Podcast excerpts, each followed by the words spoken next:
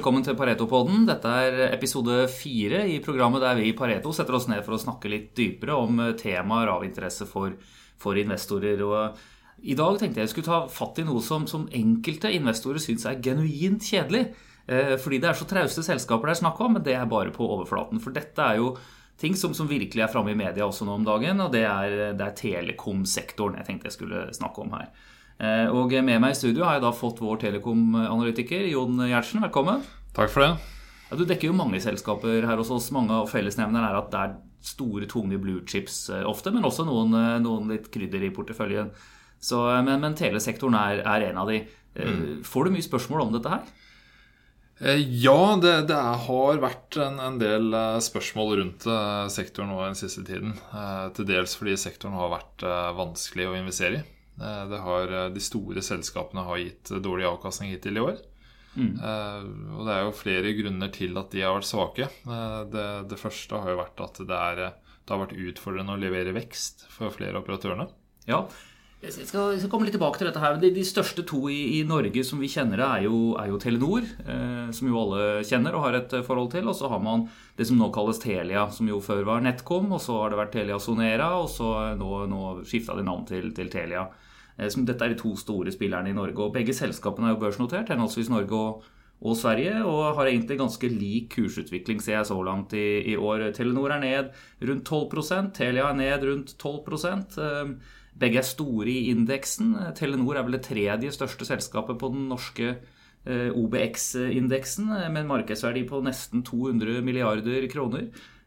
Telia er det 12.-13. største i, eh, i, Sverige. Det er jo mye bredere næringsstruktur der, men også 160 milliarder kroner i, i markedsverdi. Eh, ut fra det jeg kunne se her, så har vel Telia en topplinjevekst på minus 3% ca., mens Telenor har klart pluss 3% Så, så det er som du sier, dette, dette er relativt modne selskaper som vokser lite i sum.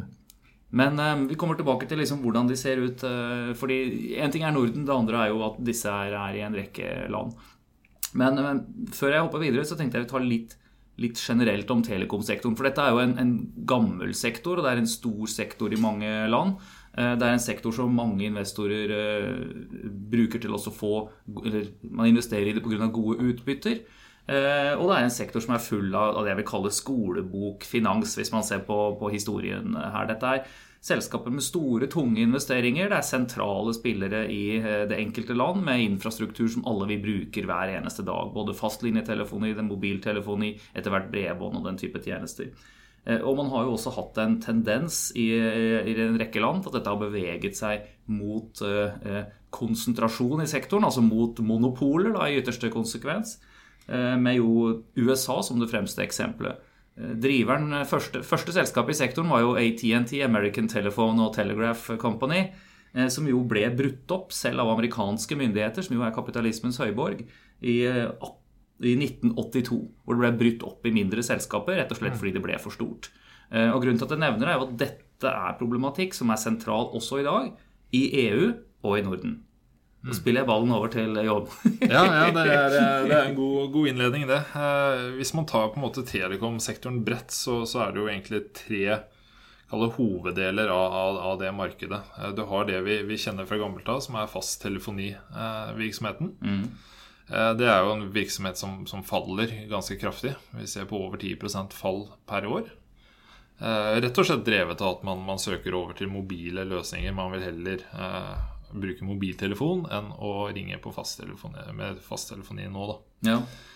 Eh, så det er jo på en måte en, en For de integrerte selskapene som har vært i markedet lenge, så er det en uh, relativt tungt inntektsfall som de må kompensere for med, med andre inntekter. Men en av kompensasjonene har jo vært at man har brukt dette gamle telenettet til å selge Uh, internett, f.eks. Altså, det er jo mange som uh, fremdeles har internett gjennom kobberkabelen som opprinnelig var telefonen. Det stemmer, og, og med ny teknologi så, så, kan det også gi ganske gode hastigheter. Uh, så, så, det er en god alternativ bruk av det gamle kobbernettet. Men det tar oss på en måte inn på, på neste område av telekommarkedet, og det, det, er jo da bredbånd. Og Der har du også kobber, men du har også fiber, som vel er den foretrukne eh, formen for bredbånd eh, pga. kostnadsaspektet ved det. Ja, Og ikke minst for forbrukeren i en måte høy hastighet. Og hastighet, mm. det er riktig.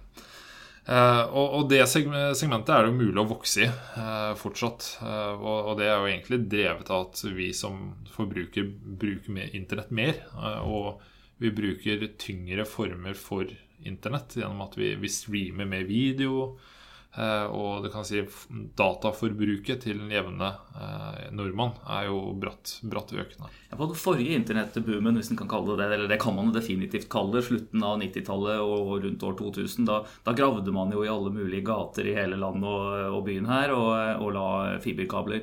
Og så gikk en del av de selskapene over ende, men nettene ligger jo der, og det det har endt opp hos, er jo mange av de spillerne vi nå, vi nå ser, og de navnene vi kjenner, eh, mm. inkludert av Telenor. Mm. Så eh, det er jo i bruk. Eh, og i økende bruk. Ja, det er definitivt i økende bruk. Eh, det er det. Og, og den delen av Telekom viser ganske god, god, vekst. Men den delen som viser best vekst, det er jo helt klart mobiltelefoni.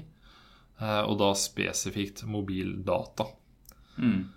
Uh, og der, der, er det et sånt bakteppe som er veldig regulatorisk drevet, da, som du var inne på til å begynne med. Det, adgang til å sende mobilsignaler det er jo en naturressurs. Du må ha tilgang til frekvenser uh, for å kunne uh, drifte mobilnett. Altså, sånn er det i de fleste land. egentlig, altså at Her ja. er det myndighetene ser på radiofrekvensene inne på sitt område, altså innenfor landegrensene, rett og slett som en ressurs de auksjonerer bort og gir begrenset eller gir tilgang til. da. Det er, det er riktig. Eh, det positive med det er jo at det gir jo høye inngangsbarrierer. Eh, så, så, det er vanskelig som en ny aktør å komme inn, inn på markedet. Eh, fordi at du, du er prisgitt av å, å, leie tilgang til nett fra de eksisterende aktørene. Ja. Så, så, i Norge for eksempel, så har vi tre nettverksoperatører. Og det er intensjonen fra myndighetene også. Men vi får ikke fire. Det, det er det ikke økonomi i, og det er heller ikke en intensjon i å, å bygge fire nett. Nei, fordi den, the flip side of the coin, eller den andre siden av, av mynten, da, som det vel kanskje heter på, på norsk, eh, av, av dette med, med, at det er et regulert marked, er jo at det også kreves store investeringer. ikke sant? For skal du ha mobildekning i, i hele Norge, eller i mesteparten av Norge, som jo er kravet for å få lisensen, eh, så må du også sette opp en mast på hvert eneste nes og fjelltopp eh, rundt omkring. Nesten. Ja, nei, det er tunge, tunge, investeringer. Både de fysiske basestasjonene, som vi, vi kaller de, de senderne, som, distribuere signaler. Eh, men eh, det er også mye på, på baksiden av det, da, på, på IT-infrastruktur. Mm. Eh, og på kalle fiber mellom basestasjonene. Jeg er sikker på at Mange av de som sitter og lytter på dette her nå, de, de tror jo at det har konkurranse i det norske telekommarkedet. Eller at det har vært det. For du ser så mye reklamer og hører det og ser det i alle mulige butikker. Og, altså Det er mye reklame for mobiloperatører og andre telekomoperatører. Men nettene er jo eid av i all hovedsak to, altså de som er i drift nå. Og ja. det er jo Telia og Telenor. Ja, og kundebasen er jo også veldig konsentrert.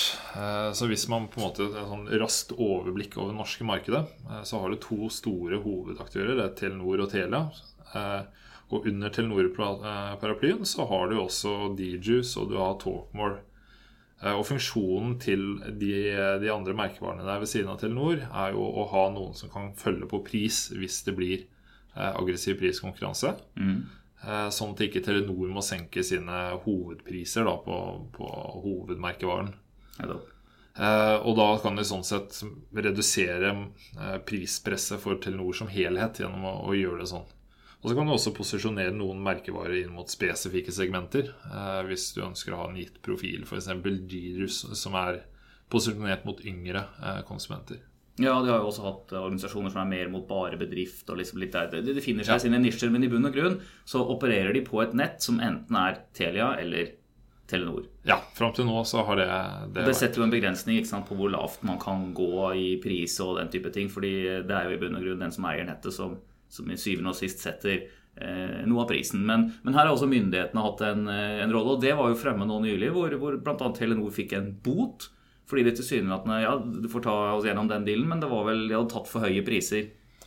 Eh, det er riktig. Det, det, knytter seg til den perioden der eh, Tele2 og Network Norway som en, som en aktør da prøvde å bygge det tredje mobilnettet i Norge. Mm.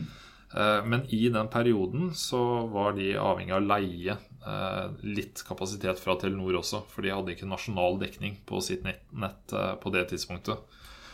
Eh, samtidig, når etter hvert som de eh, fikk bygd opp sitt eget nett, så fikk de adgang til å selge eh, Kall det nettdekning da, til andre aktører eh, i, i eh, oppbyggingsperioden. Fordi Telenor krevde å ha eksklusivitet. da. Mm. Så hvis, eh, hvis vi tar en, en spiller som f.eks. Hello, da, som er en eh, såkalt virtuell operatør, opererer på nettet til noen andre, Ja. eh, så måtte de ta nasjonalavtale med Telenor. Eh, De kunne ikke ha en, kalde avtale for Finnmark, Troms, Nordland med Telenor og storbyene med, med Tele2. Det var jo ikke mulig. Og det, det Konklusjonen fra konkurransemyndighetene har jo vært at det var konkurransehemmende. Eh, Og det gjorde det vanskeligere for Tele2 og Network Norway å bygge opp et tredje nett. Eh, Og, og derfor så har de da foreslått en, en bot eh, i størrelsesorden 900 millioner kroner.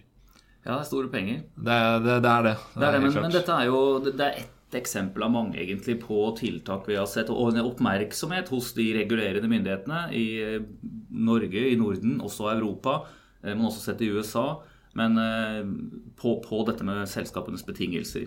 Eh, Det har vært massevis av nyheter fra EU det siste året med, med roaming-inntekter, altså hva det vil koste sant, å ringe hjem og, og på tvers av landegrensene der nede eh, etc. Og, og fellesnevneren for det er jo at de, de ønsker vel å få kostnadene noe ned for forbrukerne, og at ikke det skal misbrukes markedsmakt. Ja.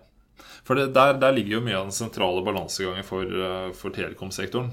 Det er en industri som er naturlige monopoler.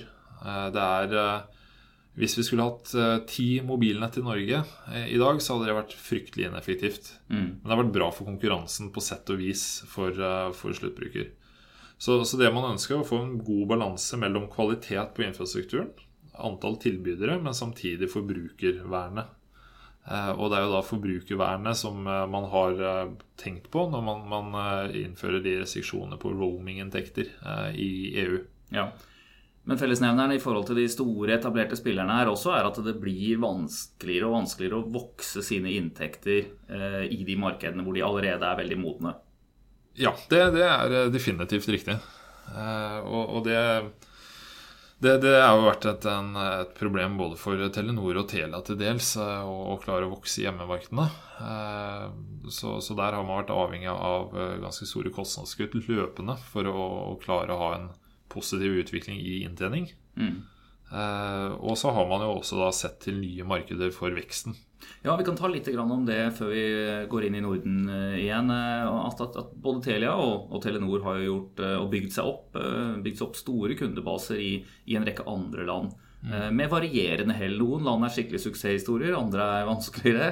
Og en, altså har vi noen som ligger litt eh, midt imellom. Og det har vært mye maktkamp og spill i en del av disse markedene. Noen av de har jo vært underutviklede økonomier med korrupsjonsproblemer og den type ting. Så, så igjen så, så har man litt av hvert der. Men, men hvis en skal gi et grovt overblikk på på både Telia og Telenor nå som de store etablerte spillerne. Hvor, hvor mye av inntjeningen deres er hjemmemarkedet? Hvor mye er eh, som man kan kalle Norden, kanskje? da, Og hvor mye er disse, disse vekstmarkedene, og hvordan er tendensen der? Ja, altså Hvis vi tar eh, Telenor først, eh, så har Telenor, hvis vi justerer for det eierandelene de har i, disse asiatiske datterselskapene, eh, så er jo i overkant av 50% av, av inntektene fra asiatiske markeder. Det er jo en betydelig del. Er veldig- Antall kunder er langt flere. Antall jeg kunder så er det jo vesentlig mer. ja. Det er klart at eh, Telenor kan jo i løpet av et, eh, kvartal ta flere kunder enn det bor i, i Norge. Så det, det har vi jo sett når de, de vokser for fullt i, i Myanmar og i, i India. Dette er jo land som altså er, på, er i ferd med å bli mer utviklet. Og så ser man en økning i hva folk bruker uh, av penger på, på teletjenester der nede. Ja, det er, det er to sider ved det. Altså, du, den, eh, konsumenten bruker jo eh, mobiltjenester mer, så det er jo høyere dataforbruk. Mm. Og hvorvidt det øker på en måte deres forbruk i penger av telekomtjenester, det er veldig avhengig av markedsstruktur.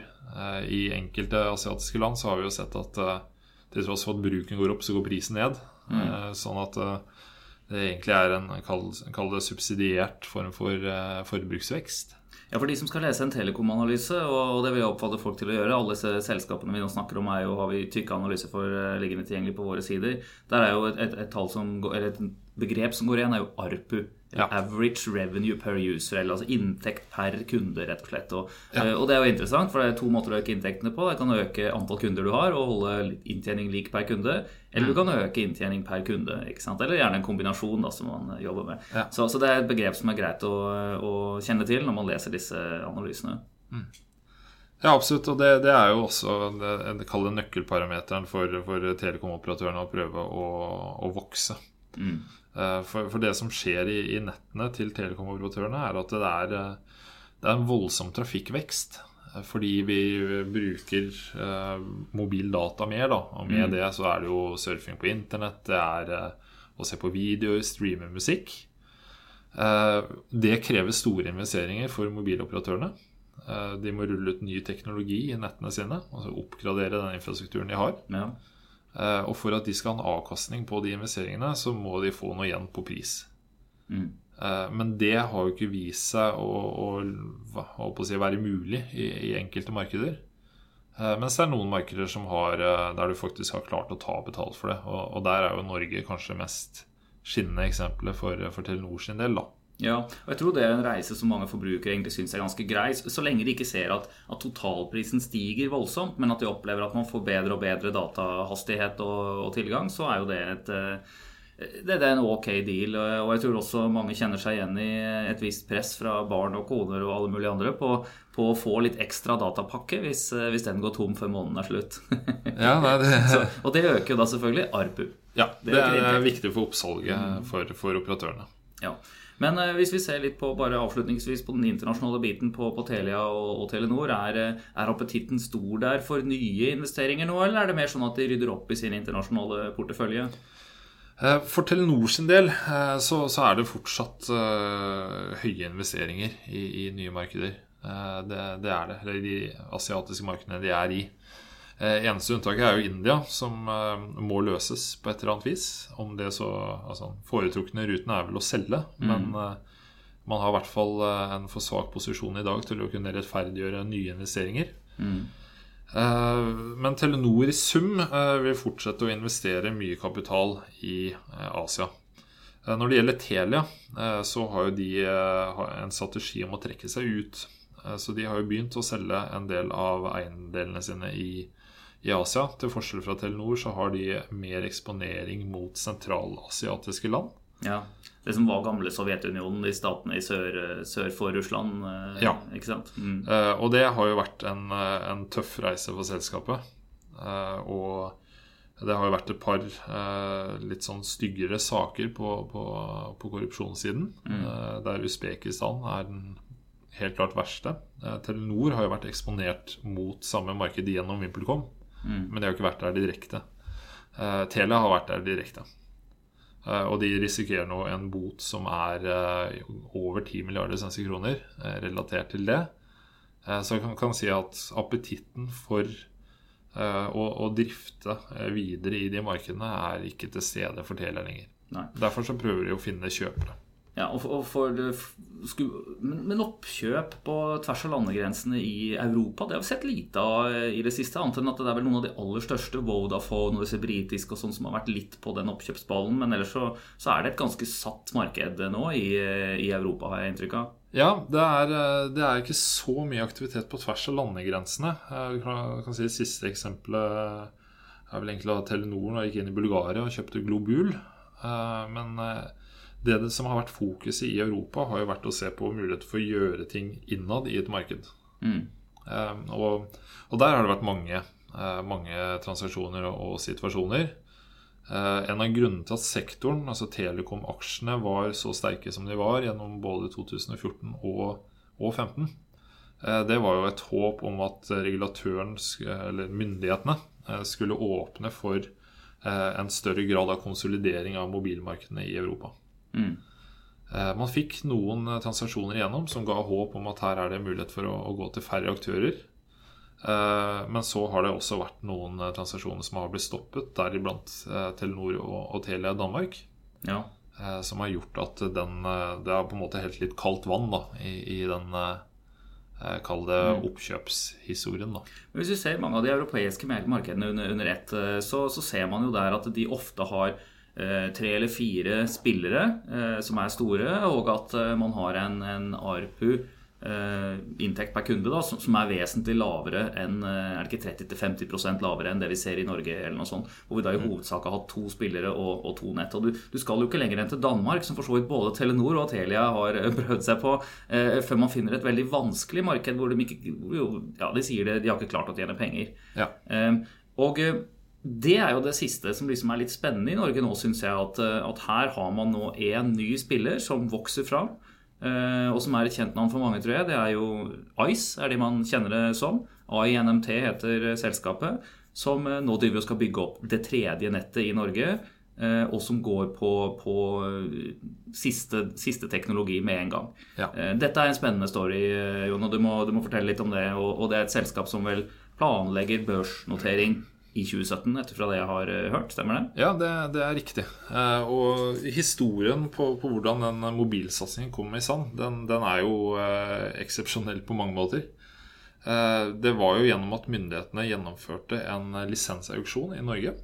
På, på, det tidspunktet så var det Telenor, Telia og, og da Tele2 som var spillerne i markedet. Mm. Det var jo forventet at de tre skulle gå med eh, hver sin eh, lisens. Eh, men det var en lukket budauksjon, eh, slik at man, man, kunne ikke vite helt sikkert hvor mange som var med. Eh, og da var jo da Ice, eller ANMT, var jo med uten at de andre var klar over det, og klarte å sikre seg en tredjedel av lisensene. Og det det betydde, var jo da at Tele2 ikke fikk de lisensene de trengte for å drifte nettet sitt de neste 20 årene. Nei, uten lisens så får du ikke Nei, nettopp det. er dårlig business. Mm. Så, så, da hadde de noen alternativer. De kunne jo kjøpt den lisensen fra Ice. Eh, eller så kunne de solgt ut virksomheten sin. Eh, og det gjorde de. De solgte det til, eh, til Telia. Eh, og da kom det interessante for Ice for at, for at myndighetene skulle la det skje. For da det ble en enorm konsentrasjon av kundemasse. Det var to aktører som satt på mesteparten av, av kundevolumet i Norge. Ja. Så måtte de gi noen avhjelpende tiltak, det man på telekomspråket kaller for remedies. da. Mm. Ehm, eh, og det involverte bl.a. at de fikk kjøpe den infrastrukturen, altså de basestasjonene som eh, Tele2 hadde bygd opp i Norge, eh, på en brøkdel av reell kostnad. Sur deal for Tele2, dette her. ja, det, det, ble, det, ble, det, ble, uheldig for, for, selskapet. Det er jo ingen ja. tvil om det. De hadde jo vokst seg opp til å bli på en måte, De hadde noen 18% av kundene i det ja. norske markedet. Mm. Og blitt en ganske betydelig aktør. Eh, det siste de trengte for å få lønnsomhet, det var bare å få de lisensene. Så, så var alt på plass. Men desto mer spennende deal for, for Ice, da, eller INMT?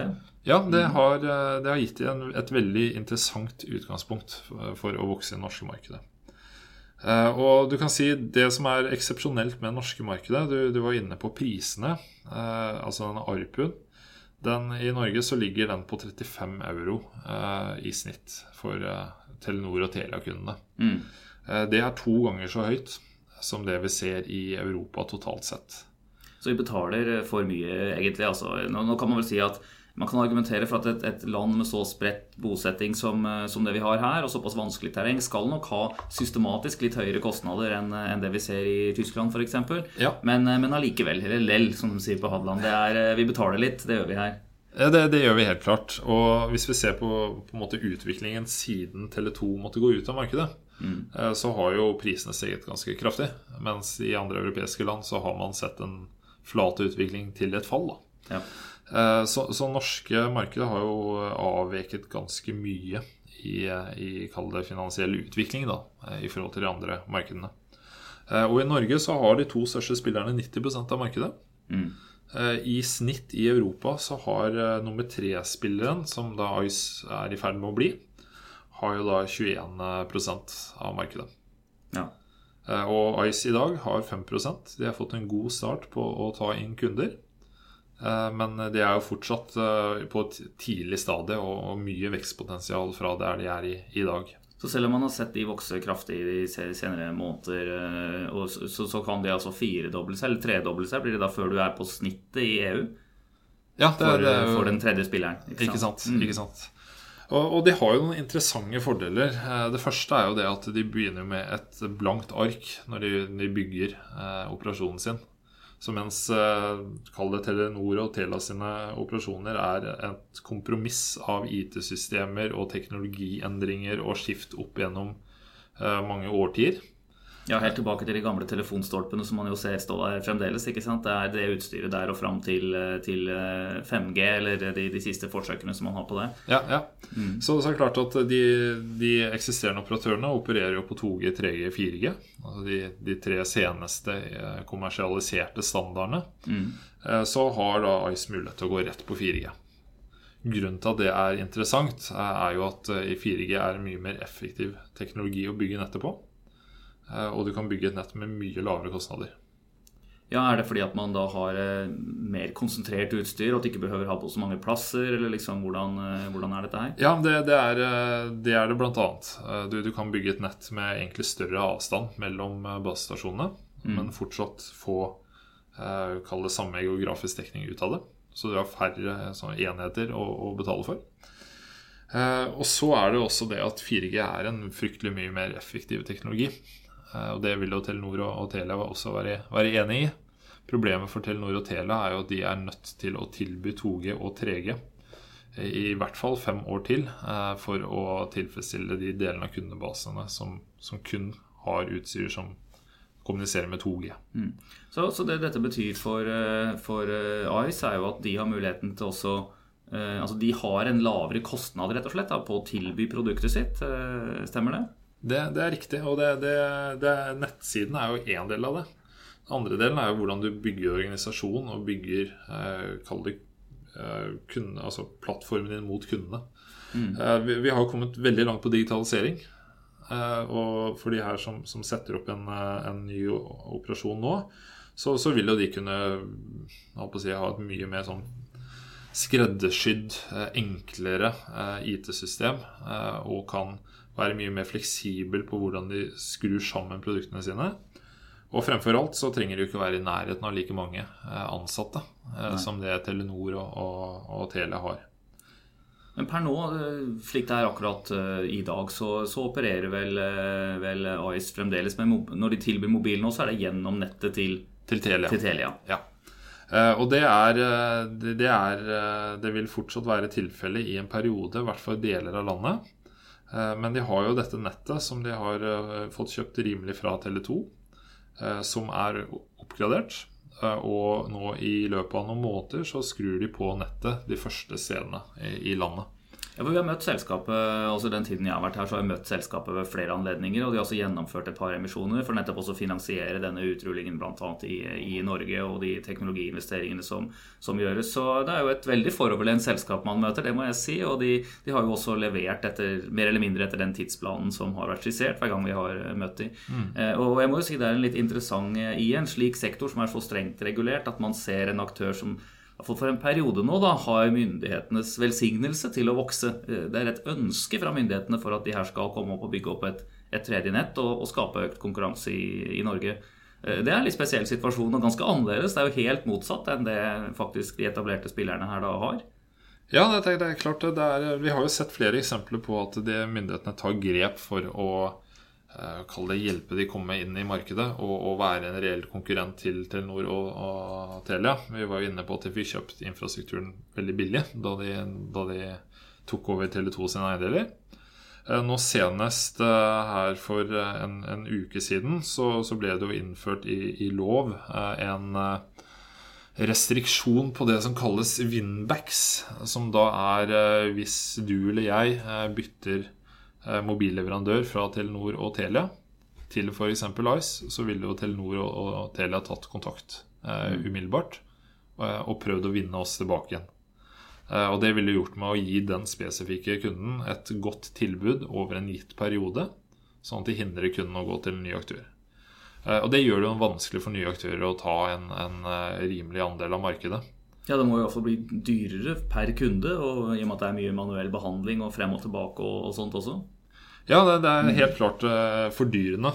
Eh, men eh, nå har det blitt innført et, et forbud på det, sånn at nå er det først 14 dager etter kunden har begynt å bruke Ice eller en annen leverandør, Ja. så kan den tidligere da, leverandøren ta kontakt.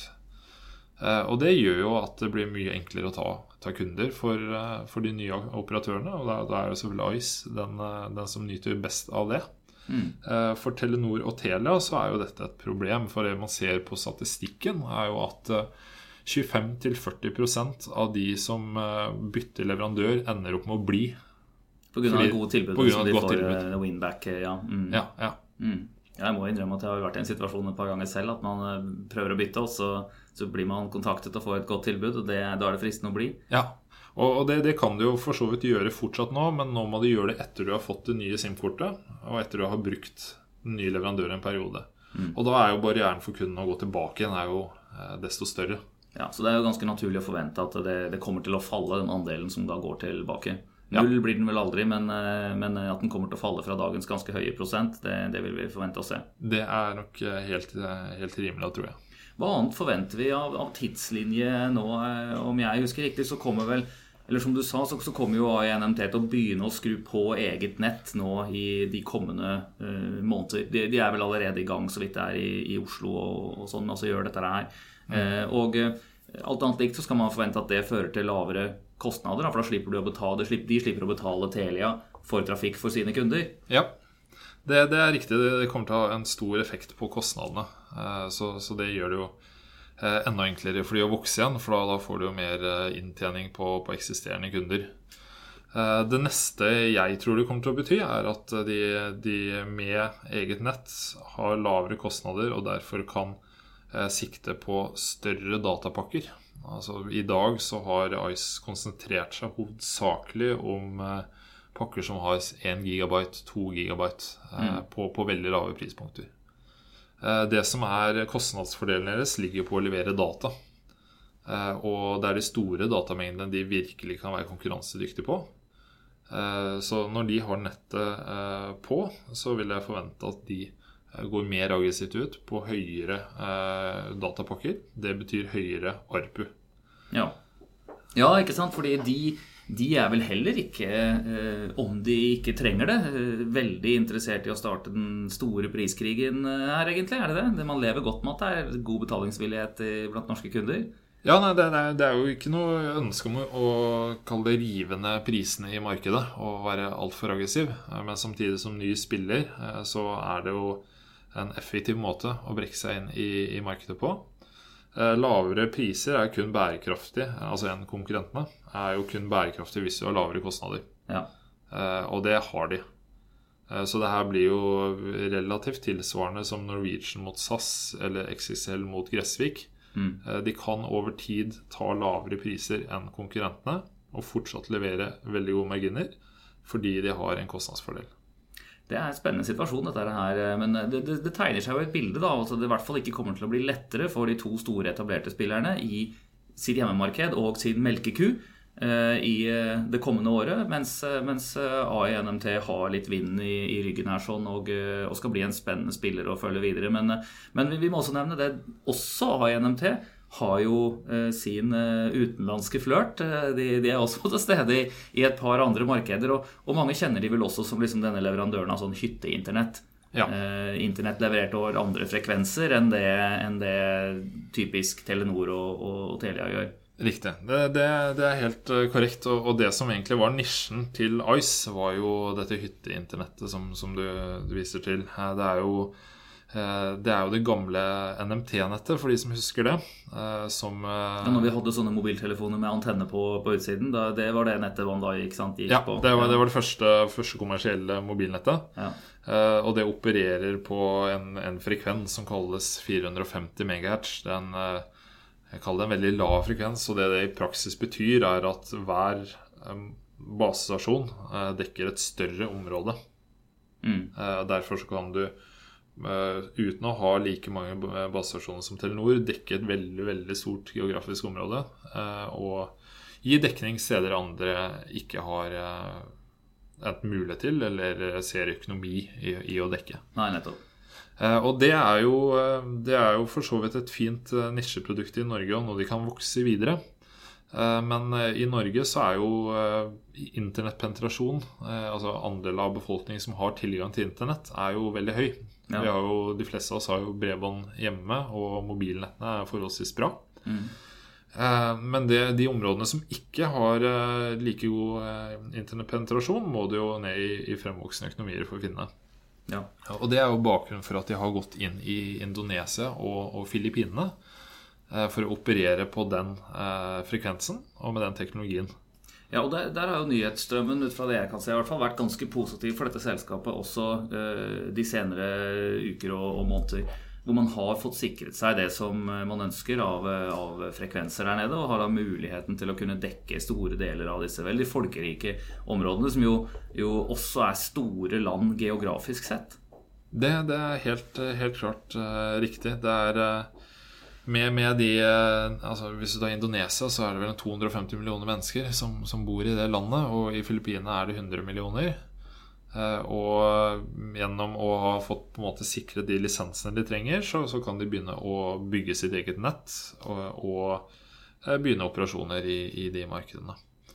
Og der også så vil det jo være Det vil jo ikke på en måte være sentrumsforbrukerne, altså de som bor i store byene, som, som vil bruke det produktet.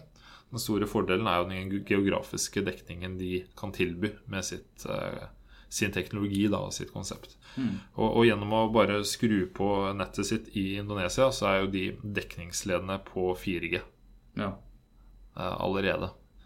Uh, så, så, der er det i all hovedsak utkantsområder der konkurrentene med sin teknologi ikke ser en økonomi å bygge nett. Der vil de kunne Eh, ha sitt, eh, sitt eh, område. Men selv om de kan ha dekning med, med færre master enn du, enn du, må med en del annen teknologi, så er det ganske store land. Og, og skal vi nå sitte og se egentlig at ANMT gjør akkurat det samme som, som Telenor og Telia, at man, man, bruker god inntjening i hjemmemarkedet her i Norden til å betale for en en store minus og dyre utbygging i, i u-land? Eller, eller, eller, hvordan angriper de denne problemstillingen her? Ja, Det du kan si er at de, de hentet jo inn kapital for å være fullfinansiert for de, de ekspansjonene eh, i 2015. Eh, og i ANMT-konsernet så ligger jo dette i, i separate deler. Eh, og de har en, På grunn av den teknologien de, de, drifter på, så har de veldig fleksibel eh, investeringsbehov. da. Mm. Eh, du, det, det, krever ikke så store investeringer som f.eks. når Telenor går inn som full mobiltelefonileverandør i et land. Det krever ikke så store investeringer. Du kan dekke eh, ganske store deler av landet med relativt lave investeringer. Ja. Eh, sånn at det, det er eh, det, det, gjør jo på en måte at den investeringen du har til å begynne med, er eh, relativt sett ganske mye mindre. Og, og det gjør jo også at avkastningen på de investeringene du kan gjøre, blir dertil interessante. Ja, for det, ut fra det jeg har sett av noen presentasjoner her, sånn, så, så, er det jo en litt spennende posisjon. fordi at de går inn i en, et område som er helt tomt. altså Det er blanke områder på kartet for internettdekning. Og så blir man da plutselig den eneste som i hvert fall kan tilby noe. Det er sånn. Og det er, klart, det er jo en interessant posisjon å, å være i, fordi uh, internett og altså internettpenetrasjonen, eller du kan si på antall brukere av Facebook og, og, lignende sosiale medier eksempelvis, er jo stor. Veldig stor også i disse landene her. Ja, det er på høyde med vestlige land. Uh, det, det, er det jo. Uh, så, så, det er klart det er Måten det har blitt løst på for de lokale brukerne, har jo vært å, å oppsøke internettkafeer. Uh, og, og, det er klart det, det, Så hvis du tar et bilde eller en Snapchat, så må du løpe inn på en internettkafé for å få sendt det? For å få dekning, altså. ja.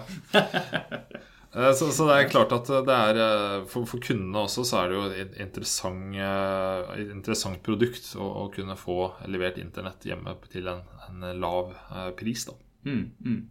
Eh, hvis du ser litt på, på, verdsettelsen av disse her eh, selskapene som jeg har nevnt nå avslutningsvis Jeg må jo også si det at her er det fyldige analyser som ligger tilgjengelig på, på våre nettsider, og man kan, eh, kan, se på de der.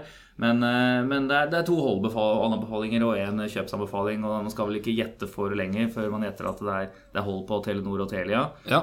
Og, og har en, en kjøpsanbefaling. Men, men det er jo også det er jo forskjellige karakteristikker, risikokarakteristikk, der kan man si, på disse, ja. disse aksjene. Du, du, eh, får jo ikke veldig kjeft av sjefen din som forvalter hvis du har litt Telenor eller Telia i porteføljen heller. Og, og de har gitt utbetalt en 5-6% i utbytte ut fra den kursen som, mm, som mm. ligger der nå. Så, ja. så, dette er jo stabile maskiner som, som genererer greit med, med cash. Men mm. problemet sett med investorers øyne er at de prises ikke spesielt lavt, og de klarer ikke å vokse har iallfall ikke klart i den siste perioden vi ser på nå. Nei, det er riktig. Eh, hvis vi på en måte tar de raskt én etter én, så, så for Telenor sin del, så hvis du ser på absolutt verdsettelse, eh, så er de da på EV EBDA da, eh, på, på seks ganger.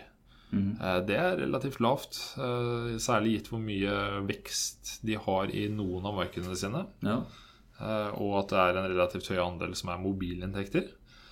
Eh, så det, det er, tyder jo på et positivt inngangspunkt. Men eh, på den andre siden så trenger du også en positiv nyhetsstrøm eh, for å få en aksje til å bevege seg på oppsiden. Ja, Vi har ikke snakket så mye om det, vi kommer vel ikke til å gjøre det heller, om, om nyhetsstrømmen rundt både Telenor og Telia nå. Den, den kan vel karakteriseres som komplisert? hvert fall. Ja, det, det, er den. Men også, også på de kalde ved siden av det på en måte politiske og, og lederaspektene som har vært mye oppe i vinden i det siste, så, så er det jo også relativt vanskelige markeder, i hvert fall fra det utgangspunktet de har, da, de, de ser på. Altså Norge for Telenor tror jeg, tror jeg vel egentlig bare kan bli tøffere ja.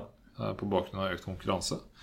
Eh, og det er spesielt to av de asiatiske markedene som er tunge, og det er Thailand og, og ja, for det vil vi også understreke at Dette er jo kvalitetsselskaper, det er solide organisasjoner. De gjør veldig mye riktig. Det er bare at eh, det fins begrensa spillerom du rett og slett har i den posisjonen de, de er i nå. Ja. Uh, og alle disse jobber jo er en av de store driverne på nye produkter og det å rulle ut mer data, bedre produkter og sånt til alle kundene.